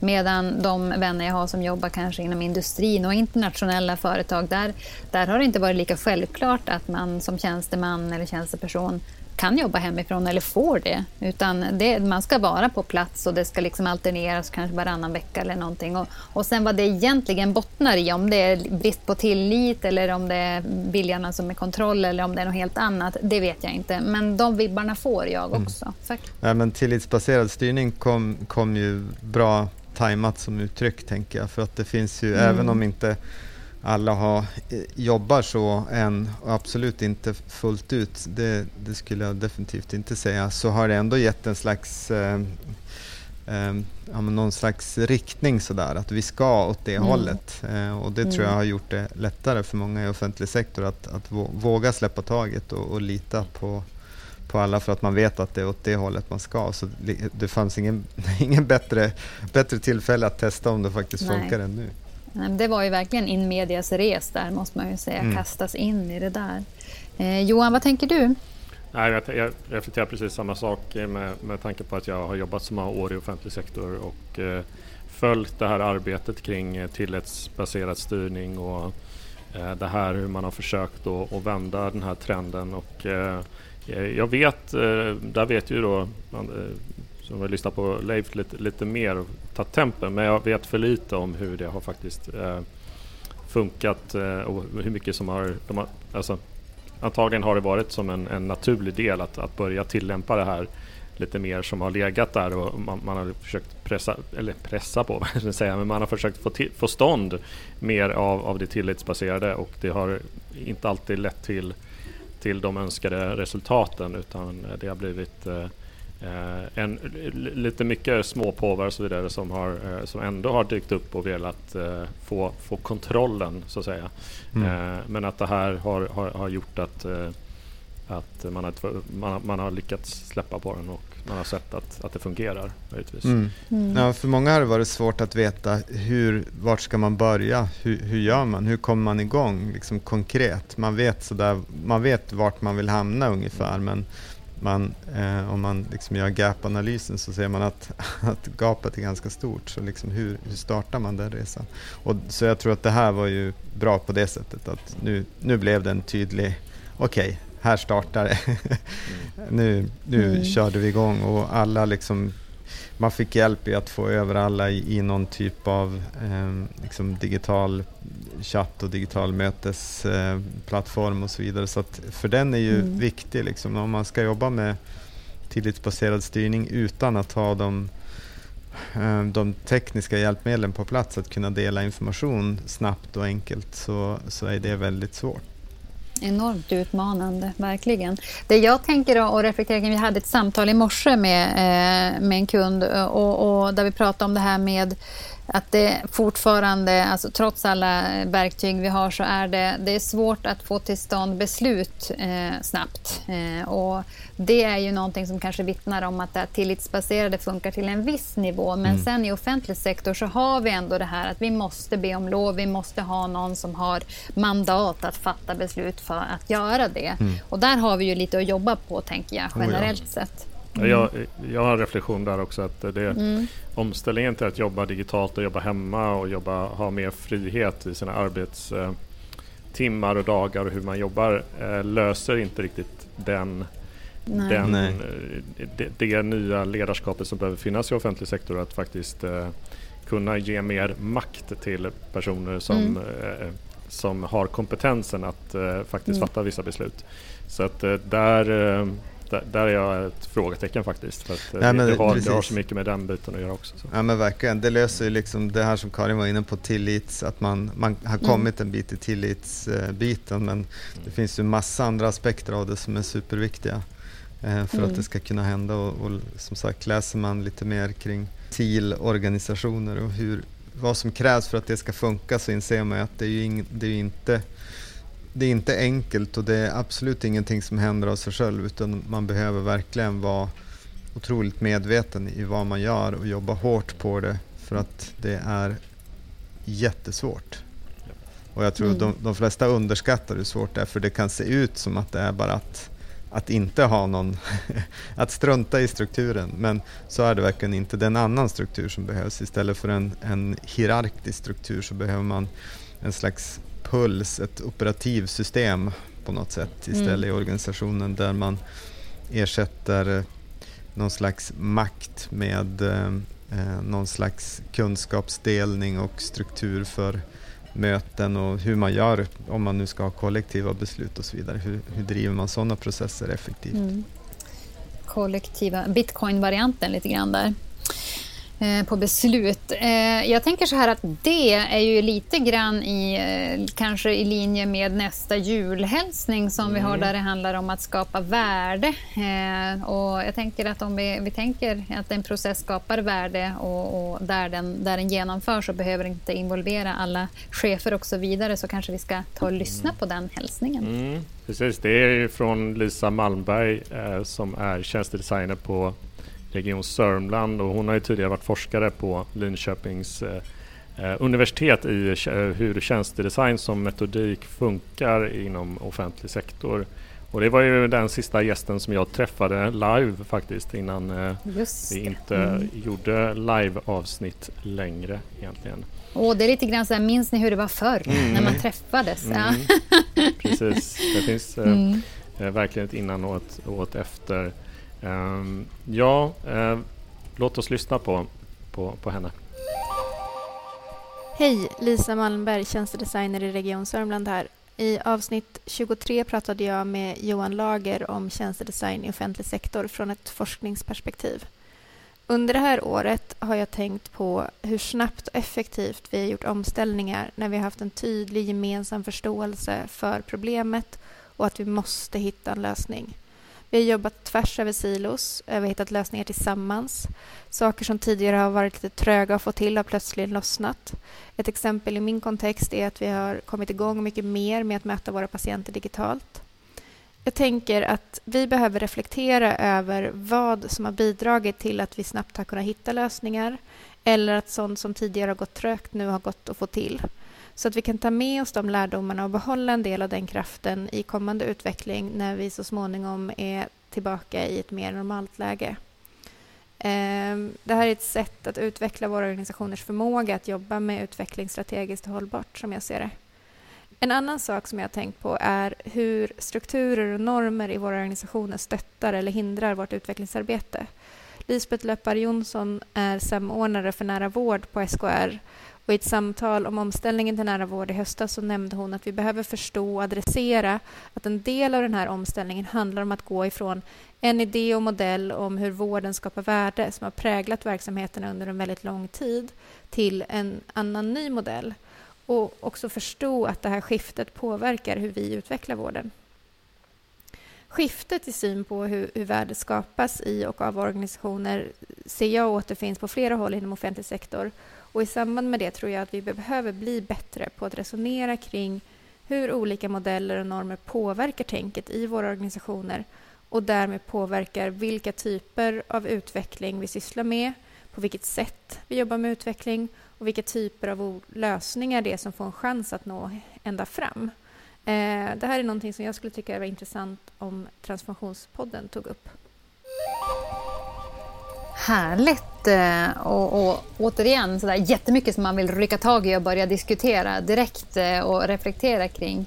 Eh, jag måste bara säga att vi har fått så otroligt bra julhälsningar. Jag blir alldeles uppfylld och tacksam och glad faktiskt. Och vilka gäster vi har haft under året. Grymt! Ska vi börja lite grann med det hon uttrycker lite grann som en, en delfråga i det här. Det var ju just det att, vi, att försöka stanna upp och ta med oss Eh, vad, lärdomen kring vad är det som har gjort att vi faktiskt har kunnat vara så snabbrörliga eh, och eh, kunna göra saker nu som vi har dragit på att genomföra länge. Det är lite grann där hon är. Hastigheten, var kom den ifrån och hur kan vi hålla ett momentum i det i vår utveckling framåt? Är det någon av er som har någonting att börja tänka Ja, nej men den, den, är väl ganska, egentligen ganska enkel. Det är ju urgency, alltså att, att det fanns en en väldigt tydlig eh, det fanns en tydlig vinst med att göra det och det fanns en, en stor eh, och, och, tydligt hot med att inte göra det. Och det är egentligen det som... Eh, det är ju mycket enklare att göra en förändringsresa om man har så. Om det finns liksom, gör vi det här så har vi en, en tydlig eh, möjlighet och gör vi inte det här så har vi ett tydligt hot. då, då finns det ju liksom väldigt bra förutsättningar att få till en förändring också. Så att, eh, jag tänker att det, det, är ganska ovanligt att, att sådana situationer uppstår där så många delar samma liksom, hot och möjligheter. Men, men här, här blev det ju så. Nej, men jag, jag, jag tänker på vad har eh, den här, det här tvånget då, eller vad har det tvingat oss att göra? Och en sak tror jag är att man, bör, man, man måste hitta lösningar utanför sin egen comfort zone eller sin egen avdelning, sin egen enhet, sin egen organisation. Att man måste sträckas ut och eh, jobba med samverkan, det här ordet som kommer upp i, i alla offentliga sammanhang. Man, man har liksom tvingats i att samverka på riktigt. Eh, och det tror jag är väldigt, det har skapat eh, nya värden eh, i, eh, i regionerna, på myndigheter och så vidare. Att man har eh, tvungen att lösa vissa situationer. Det skulle vara spännande, jag vet för lite om det, men att få höra mer om hur man har löst också hela corona krisen. För där har det ju pågått otroligt mycket olika typer av samverkan för att gå, liksom, lyckas med det här. Och det, det ser man ju nu i med äh, hela vaccineringsprocessen som kommer igång nu att det är definitivt det, det är många aktörer som måste skapa ett nytt värde som de inte har liksom, gjort tidigare och gör det tillsammans. Så jag tror att just det där värdet eh, hoppas jag ju att man fortsätter med och att man förstår liksom, styrkan och kraften i att, eh, att jobba med effektiv samverkan. Man behöver inte ens säga effektivt, samverkan i sig ska ju vara någonting som bidrar till, till resultat. Eh, och jag såg en, jag kommer tänka på en bild jag såg på LinkedIn här eh, och det var ritat olika stuprör och människor som höll sig, kramar de här som trän. Och så, jag, de sa någonting i att jag älskar verkligen mitt stuprör. Um, och uh, stuprör är också en metafor som är väldigt vanlig inom uh, offentlig sektor i Sverige. Och det kan ju vara så också att um, det här har gjort att vi har på något sätt uh, låtit släppt taget lite grann om stuprören och märkt att oj, jag behöver inte hålla fast vid det här stupröret. Det behöver inte handla bara om vår organisation och vår verksamhet och vår um, ja, våra resultat som är, för det, det, det, räcker inte just nu utan vi måste se till och, eh, och bryta loss eh, lite grann. Och det, det, det tror jag är en rörelse som, eh, som, som, just det här som Lisa är inne på, vad är det som skapar de här nya värdena? Och jag tror att det finns definitivt någonting där att, eh, att titta på. Ja, men absolut, och det jag tänker, hon nämner ju också att, att normer och strukturer påverkar vår vilja eh, och hastigheten att, eh, att skapa mm. utveckling och förändring. Och här har det ju egentligen inte gjort det, utan här bort, har vi bortsett lite grann mm. från de, den rådande kultur och normer som vi har haft. Och helt plötsligt så är vi, på grund av det du nämner Leif också, att det finns en urgency. Vi måste, vi vill verkligen skapa den här förändringen. Då helt plötsligt så spelar det ingen roll vad vi har med oss i ryggsäcken utan vi packar om och river upp och kör på. Eh, hur kan vi eh, dra lärdom av det egentligen till andra förändringsprocesser och, och försöka råda bot på att de här starka eh, normerna verkligen ja, är som kedjor som håller oss fast? Har vi några tankar där? Ja, jag, jag tänker spontant bara för att fortsätta med den det, det, det spåret jag var inne på. Att, att man tänker att man blickar utanför, ser möjligheterna utanför sin organisation som ett default-läge. Liksom, och tänker mm. eh, vad finns den här potentialen eh, att lösa de här problemen för vår målgrupp eh, utanför vår, vår egen ram och börja där. Eller börja börja, men man ska ha det med sig från, från dag ett. Vilka behöver vi kroka arm med? Vilka behöver vilka behöver vi på tåget för att, eh, för att lösa situationen egentligen och vad, vad kommer krävas för att eh, eh, skapa de här nya typerna av samverkansorganisationer eller kluster eller vad du vill kalla det som skapar de här större värdena ut till våra medborgare helt enkelt. Leif, hade du en tanke där? Ja, jag tänkte lite på en, en modell som jag är osäker om vi har, vi har säkert nämnt den någon gång i i podden tidigare, men eh, förändringsekvationen eller the change equation som eh, yes. bygger på en, en, mm. modell av Tim Noster. Um, den kan man googla fram om man vill. Den, den berättar att man för att nå hållbar förändring så behöver man ha en vision om vart man ska, man behöver ha motivation, man behöver ha förmågan, man behöver ha resurserna och man behöver en, en tydlighet, en plan. Eh, det är bland annat delvis den här och en del andra modeller som vår 5C-modell är baserad på för att se till att man täcker upp det här. Så att jag mm. tänker att eh, liksom här kan man, man kan vara svag och stark i olika delar i den här modellen och det som, det som hände i, i år då var ju att vi blev väldigt starka i den här motivationsfasen. Alltså, mm. vi, det fanns väldigt tydlig tydlig motivation till varför vi skulle göra det här och då bryter man ju ner motstånd. För att det som händer i modellen här, om vi saknar visionen, då får vi förvirring. Saknar vi motivationen, då får vi motstånd. Saknar vi förmågan, då får vi oro. Eh, saknar vi resurserna, då får vi frustration. Och saknar vi en, en slags plan hur vi ska göra det här, då händer inget. Och, mm. Så att jag, jag tror att den här motivationen skapade så, liksom, den bröt ner så mycket motstånd att, att det, blev, det blev enkelt att göra Även om vi inte nödvändigtvis hade allt det andra på plats så, så hände i alla mm. fall saker. Bara för att eh, tröskeln sänktes på något sätt. Mm. Nej men precis. Det, jag minns precis, vi har, vi har pratat om den här och det var i strategiavsnittet tog vi upp den här modellen. Ja, precis. Eh, och jag tänker där också så har vi ju, jag menar här hade vi ju den här desirability som vi brukar prata om och där finns det ju också eh, två ben till som vi försöker att, eh, att, eller som man behöver ha med på något sätt också. Leif, kan du berätta lite grann om, om dem, den där tre, trion av ord som vi brukar ha med oss? Ja, du tänkte design thinking um, mm. Ja, det är alltid precis mm. när man ska utreda nya idéer så brukar man titta på mm. desirability. Alltså finns det en, någon efterfrågan eller någon, är det någon som vill ha det här? Eh, och så mm. viability då som är borde vi göra det här och så feasibility som är kan vi göra det här? Mm. Eh, precis, så att det kan ju vara när man ska göra någonting nytt så, så behöver man ju alltid utreda dem. Eh, men den här change equation är, handlar mer om de, liksom våra mentala ehm, mm, saker som, som kan blockera oss. Att, att vi blir liksom, mm. ja, vi blir, kan bli enormt um, frustrerade exempelvis om, mm. vi, om vi känner att vi, vi vet vart vi ska, vi är motiverade, vi, vi kan det här men vi, liksom, vi har inte tiden. vi hinner inte mm. göra det här. Det är sjukt frustrerande och det tror jag jättemånga känner igen sig Eller att vi har inte pengarna. Så kan det vara ganska ofta för oss på Hello Future som är relativt liksom, vi är inte jättestora, vi har inte, vi har absolut inte unlimited resources vilket gör att vi vill mm. göra väldigt mycket nya grejer. Vi har så mycket planer och idéer vi vill förverkliga men vi har ganska sällan resurserna att matcha det och det kan skapa en hel del frustration.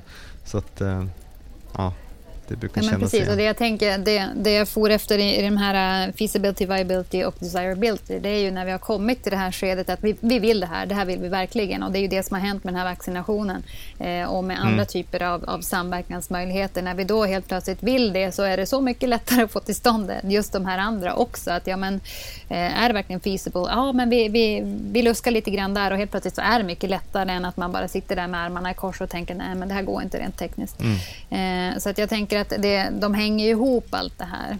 Eh, helt klart. Mm. Eh, per, känner du att du har någonting som du vill komplettera med eller bekräfta i det som vi har sagt när det gäller just det här med, eh, ja, men med att, eh, att lära utifrån det som har hänt tidigare? Att vi ska vara, varför var vi så snabba till förändring och hur kan vi eh, fortsätta att eh, inte riva upp men ändå eh, vara medvetna om att strukturer och kulturer och normer påverkar vår utveckling framåt? Egentligen inte så mycket annat än att jag tycker att det har varit intressant att titta på, i det här fallet privata företag för att det blir lite mer synligt utåt så vad som händer där.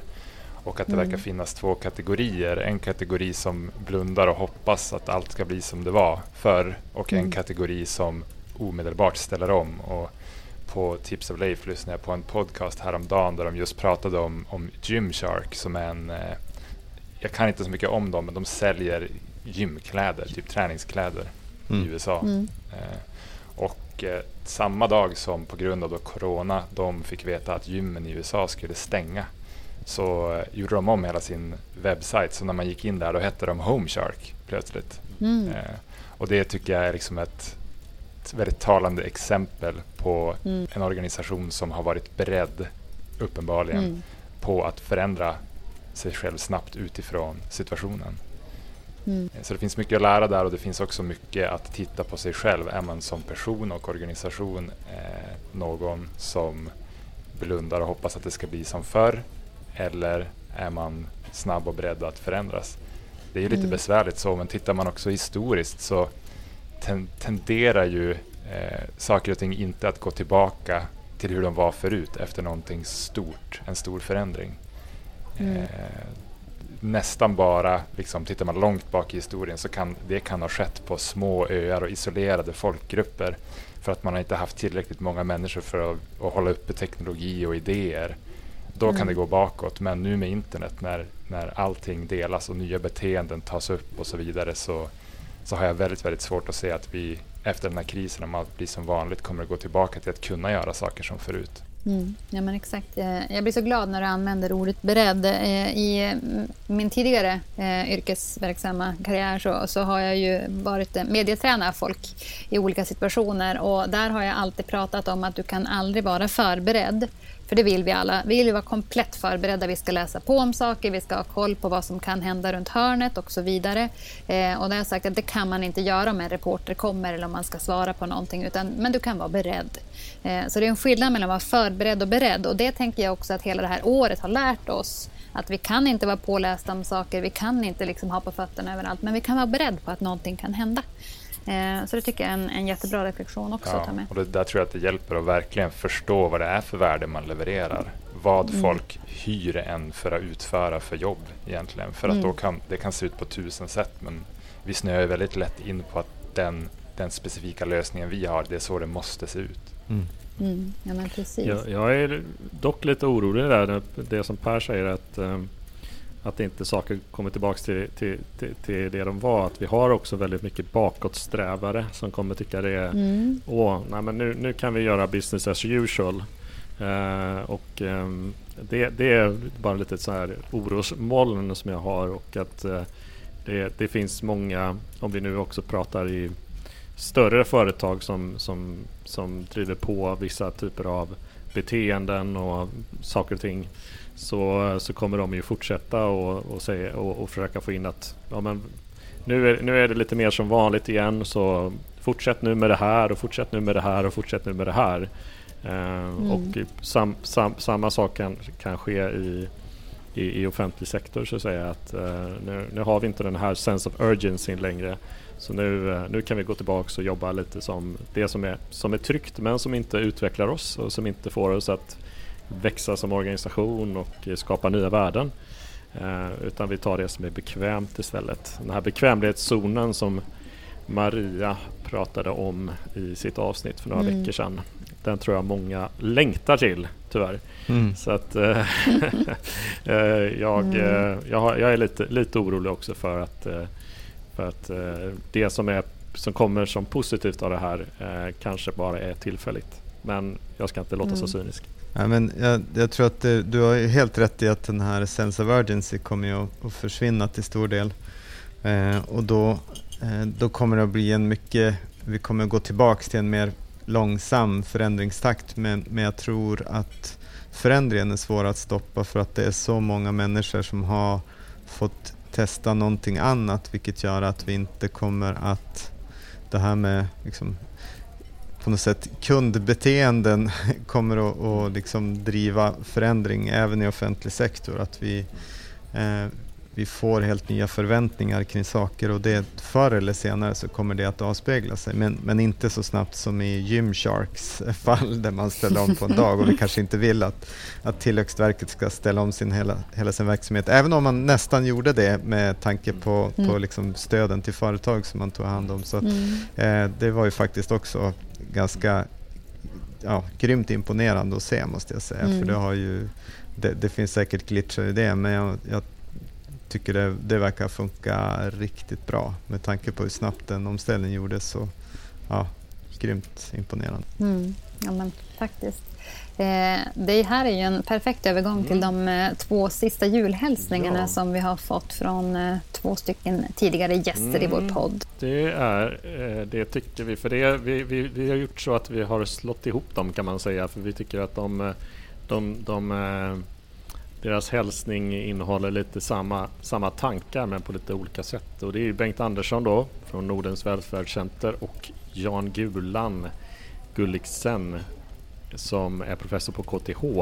Och det var ju du Petra som pratade med dem här under, eh, under den här tuffa våren. Ehm, mm. Och, eh, eh, det är två avsnitt som vi verkligen rekommenderar också att man går tillbaks till för att lyssna lite grann på hur man kan lära sig från övriga länder i Norden. Det gäller välfärdstjänster och digitalisering. Och också då om, eh, som Gulan pratade om, kompetensförsörjning i offentlig sektor. Avsnitt 24 och 25 mm. om man vill gå till, till dem sen och lyssna på fler Precis. efter, efter mm. det här, eh, det här äh, mäktiga julavsnittet som, vi håller på, som du håller på att lyssna på nu. Äh, men då ska vi se till och äh, spela upp vad de har att säga. Hej, Bengt Andersson här, Nordens välfärdscenter. 2020 det hade sådana förväntningar på, på året 2020. Jag gillar siffror. Och 2020, det är ju så snyggt. Så snyggt så att vi som eh, jobbar med projektet Vård och omsorg på distans, nordiska treåriga projektet som avslutas här nu i december, eller skulle avslutas i december, det är förlängt ett halvår. När vi skulle ha vår slutkonferens under hösten så bestämde vi oss naturligtvis för att ha det den 20 oktober 2010, 2020. Helt fantastiskt bra.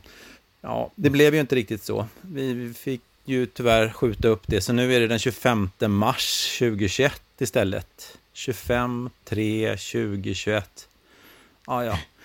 Det får väl eh, duga ändå på något sätt. Det blir ju naturligtvis digitalt, ett webbinarie som så mycket annat det här året. Eh, och det är väl det vi kan ta med oss kanske av positiva saker eh, under detta märkliga år och med all den tragik som det har inneburit att det positiva är ändå att folk har blivit otroligt mycket mer digitala. Eh, både sådana som, både vi som jobbar inom området som kanske inte har jobbat med det så digitalt tidigare men, men också framförallt eh, äldre och människor som behöver stöd och hjälp på olika sätt. Frågan är kanske, kommer vi gå tillbaka till att vara mer analoga efter pandemin eller kommer vi att kunna fortsätta att vara digitala? I Norge ser jag att där har man ställt om rejält för till exempel kroniker och det har man kunnat göra snabbt på grund av sitt program som man har där. Eh, och det är inte bara tillfälligt utan det kommer man att fortsätta med även efter pandemin. Så frågan nummer två kanske ändå är då att eh, kommer Sverige kunna matcha detta och eh, kommer vi ramla tillbaka igen till att vara mer analoga eller fortsätter vi att vara digitala? God jul och gott nytt år! Hej, det här är Gulan. Jan Gulliksen. Jag pratade i avsnitt 25 av Transformationspodden om kompetens, utbildning och digitalisering. Eh, det var ju tidigt i april som vi gjorde den inspelningen och jag har ju kunnat se hur världen har förändrats och särskilt vår digitala värld har förändrats under den här tiden som har gått. Det jag mest bekymrar mig över nu och som jag vill skicka med som ett budskap till alla er som lyssnar på det här, det är hur ska man ställa tillbaka?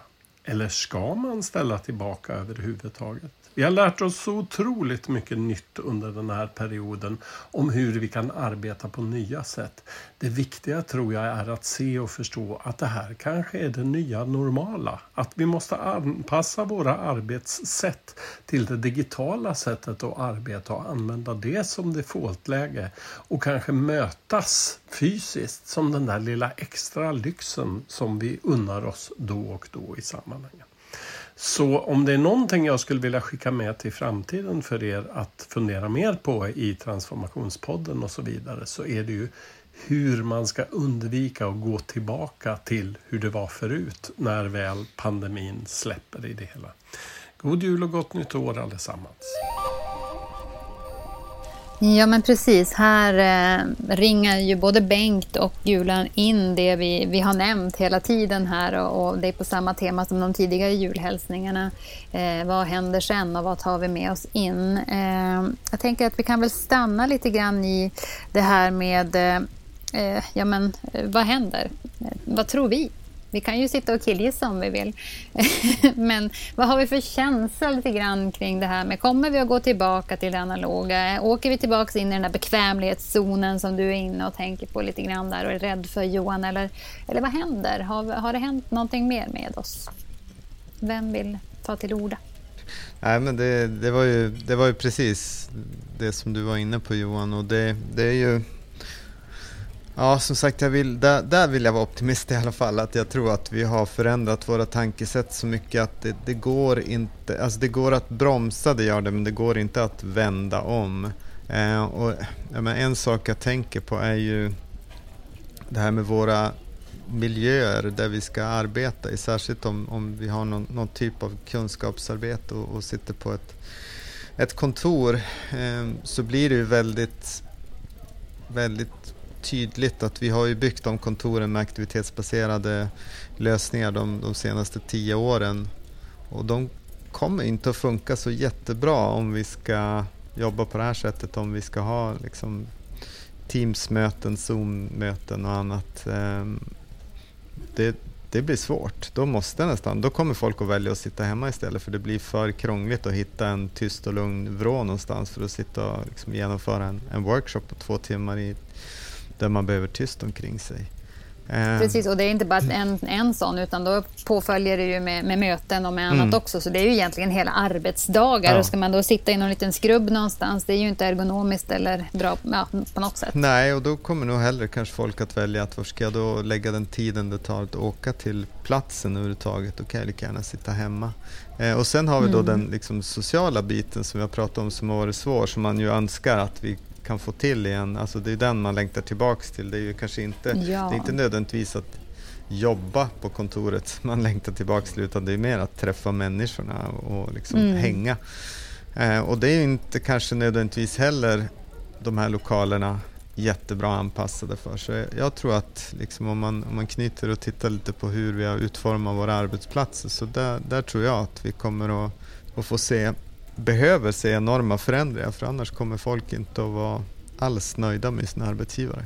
Mm. Nej, men det är jättebra. Eh, och jag, bara som en liten eh, reflektion där från mig så tänker jag, för jag, jag vantrivs ju med att inte få träffa folk kring en auto, automat eller någonting. Och jag börjar faktiskt bli lite trött på att gå. Jag har aldrig gått så många walk and talks med mina vänner och med kollegor och liksom allt möjligt som tidigare. Så, eller än tidigare. Så det, det, är verkligen, ja, jag saknar det där med att bara sitta i en soffa och snacka faktiskt. Mm. ja. Johan, vad, vad säger du? Nej, men jag, jag, jag tror att jag är också ganska optimistisk optimistiskt över att eh, jag tror det kommer ta, ta tid innan, innan vi kan träffas mer och sådär. Och när vi gör, väl gör det så blir det väl antagligen en sån där eh, ja, explosion att vi vill ha massvis med social... Vi vill ta, ta igen det där. Men sen tror jag det är när vi börjar återgå lite grann, alltså folk kommer komma tillbaka till lite kontor och så vidare, så kommer, så kommer vi ha med oss den här eh, ryggsäcken av lärdomar och känna och, och, och, då kommer det växa fram någonting som inte jag vet exakt hur det kommer se ut men det kommer jag tror det kommer bli en spännande tid just på, på arbetsplatser av att, att liksom Ja men det här gjorde vi ju så och det här gjorde och så att man kommer liksom kunna jobba med roliga kombinationer tror jag av, av olika typer av eh, digitala mötesformer som vi har blivit mycket duktigare på men också olika typer av, av när vi träffas och ses eh, och det ser jag fram emot. Eh, jag också som, som verkligen saknar kollegor och så vidare men jag tror att det kommer innebär att vi, att massa kreativ, det brukar vara så, mycket kreativitet eh, blossar upp eh, just när vi när vi börjar då, vi har, vi har tänkt på ett sätt ett tag och sen har vi tvungen att tänka på ett helt annat sätt. Och nu är vi fria att tänka lite blandat. Och det är då det mixas ihop olika idéer och olika arbetssätt eh, som, som jag tror kan bli, eh, ja, det kan, det kan bli väldigt intressant om man nu är, med och, och säger att ja, jag hänger med på det här tåget eh, och inte är för trött efter 2020 och inte orkar med eh, och tänka framåt. Det är nog många som inte gör det heller. Ehm, så, så, kan vi nog eh, ändå försöka sträcka oss lite, lite i framtiden och, och, och tänka att nej, vi kommer inte, nog inte helt, vi kommer inte återgå till, till, till det här. Vi har lärt oss för mycket. Vi har, vi har, vi har förstått hur mycket, hur mycket bättre det är att jobba på det här sättet också.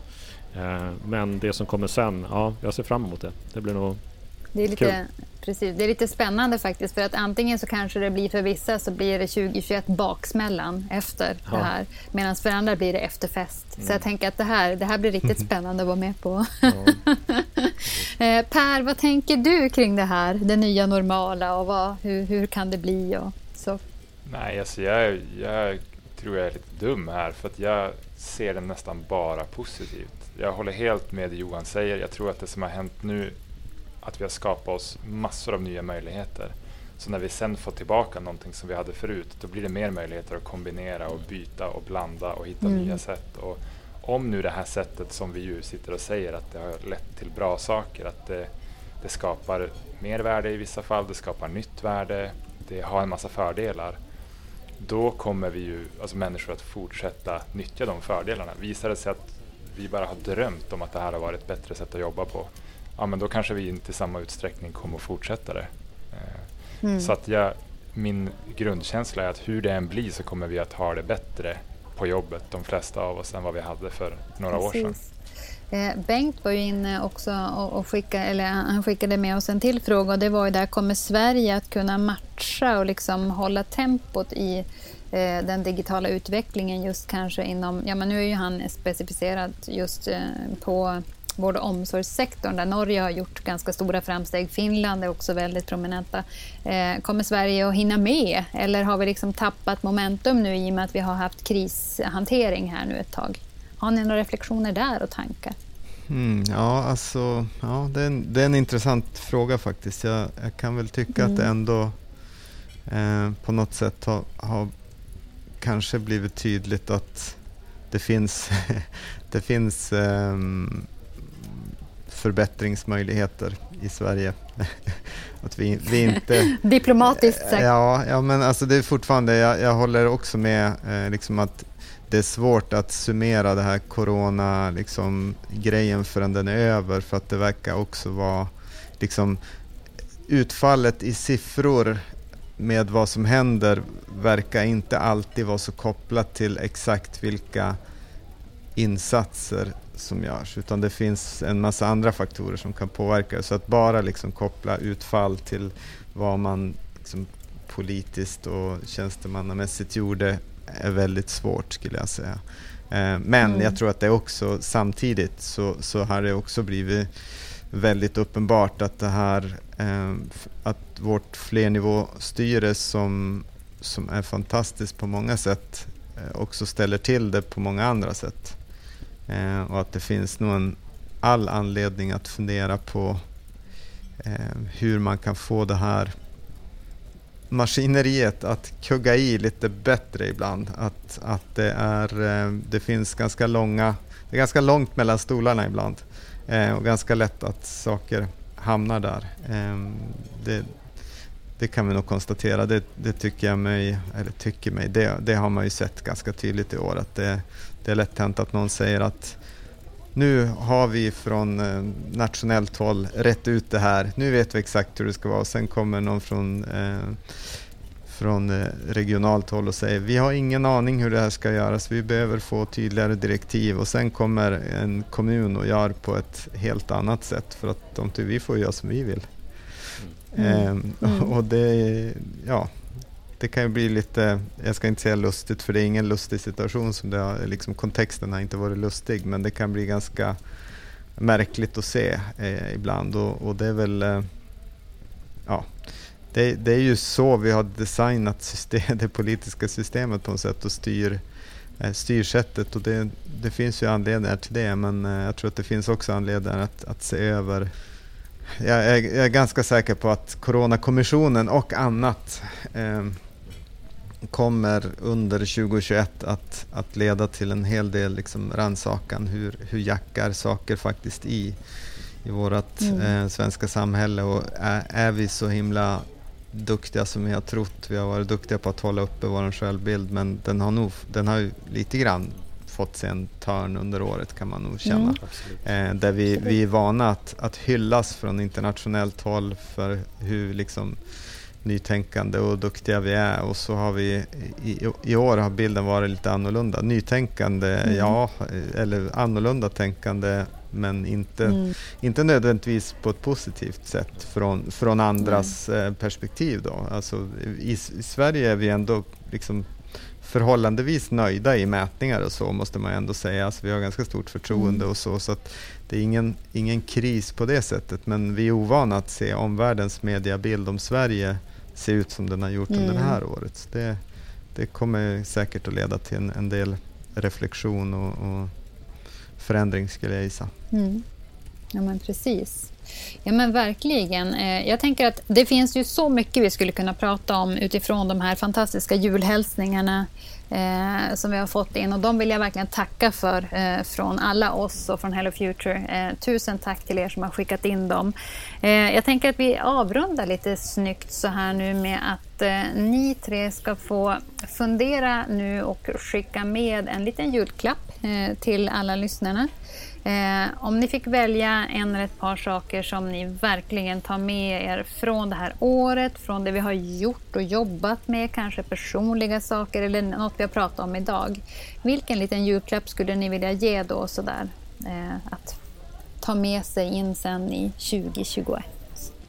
Är det någon som vill börja? Ja, jag, jag, jag kan börja för jag, jag är nog jag känner mig lite tom på, på reflektion efter nästan två, två timmar som vi har pratat. Eh, utan jag, jag tänker lite så här, vad har jag, vad har jag för julklappar att ge ut den kommande, den kommande tiden eh, är väldigt konkret eftersom jag jobbar med, med Transformationspodden. Eh, så har vi en, ett första avsnitt i, i början av året där vi ska, vi ska verkligen ta perspektiven på, på vad, vad den här coronakrisen kommer eh, eh, leda till på lång sikt. Eh, väldigt spännande samtal.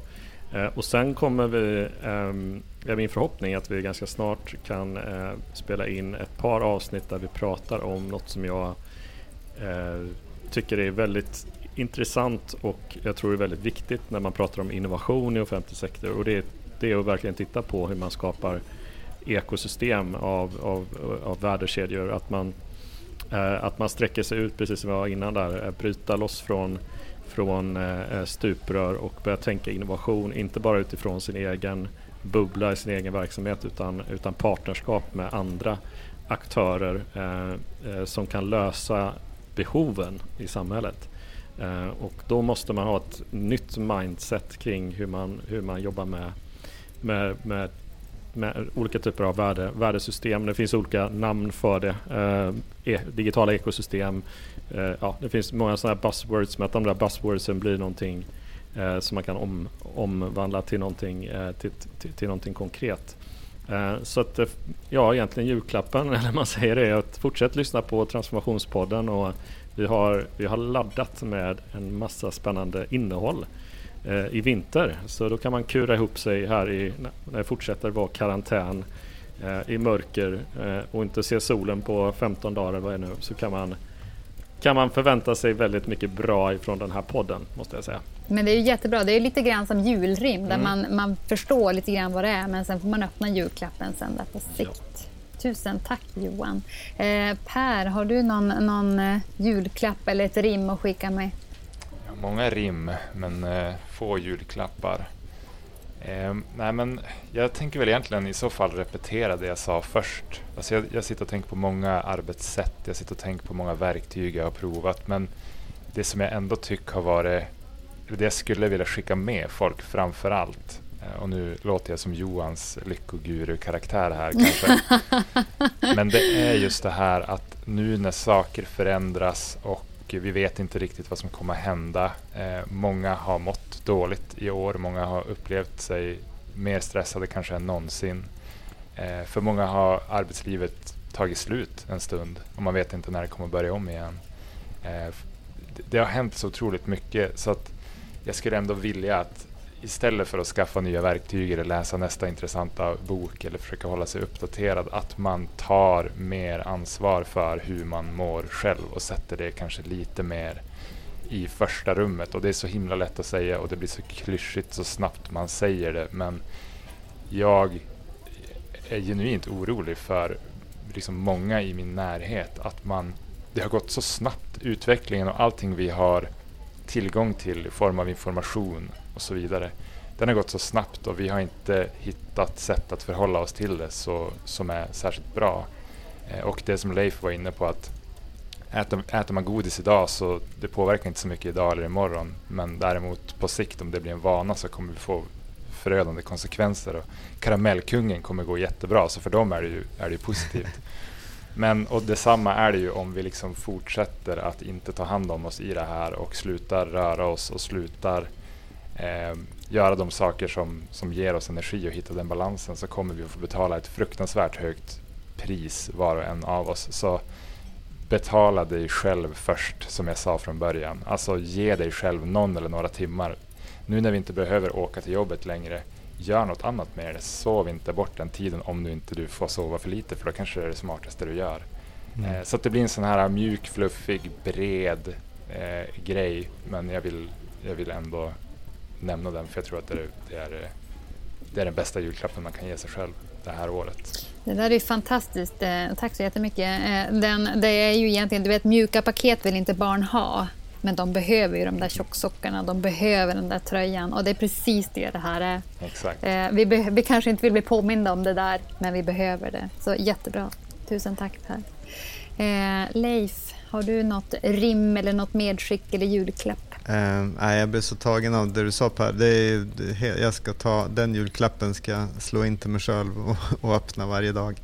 Uh, nej, men det, det, är lätt hänt att man uh, blir så upptagen av sin, sin liksom, dagens schema att man glömmer bort de där grejerna. Så, så det är liksom, för, mig själv, inte för alla andra, men för mig själv ska det bli mitt, eh, inte nyårslöfte för det ger jag inte, men, men jag ska bli bättre på att, att um, betala mig själv.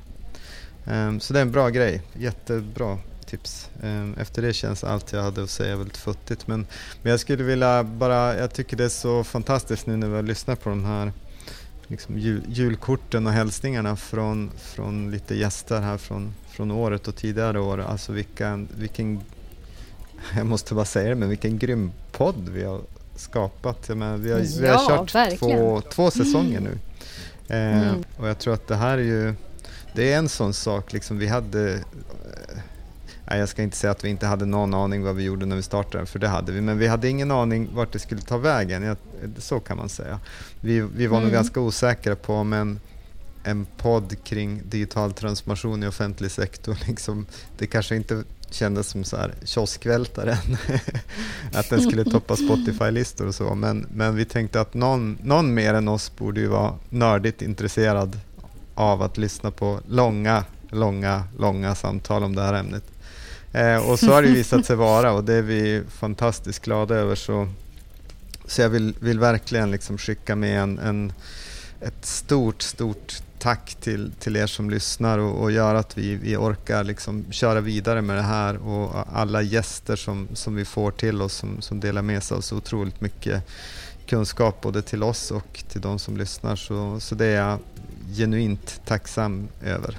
Eh, och det jag skulle önska, om, om jag istället önskar mig julklappar av, av de som lyssnar, så, så skulle jag säga att, att liksom skicka gärna in ännu mer liksom, tankar, åsikter, synpunkter, tips på gäster. Eh, vi har börjat få mer och mer sånt och det uppskattar vi verkligen. Och, och, det är ofta riktigt, mm. riktigt bra när vi får de tipsen så, så försöker vi att, att få till det också. Och det, det brukar ofta lyckas. Så, så ni har, eh, det finns en stor chans att ni kan påverka innehållet så, så ta, den, ta den chansen. Det kanske blir en julklapp mm. till er. Ni får chansen att påverka innehållet mm. i podden 2021. Så ta den chansen. Ja, verkligen. Vad härligt. Eh, jag skulle vilja ge en, eller, ja, ge en liten julklapp, eh, eller rim eller vad man nu ska säga. Den, den, får man som göra. Det är en liten do it yourself-grej egentligen. Eh, och det handlar ju väldigt mycket om att fortsätta vara öppen eh, och våga vara sårbar lite grann.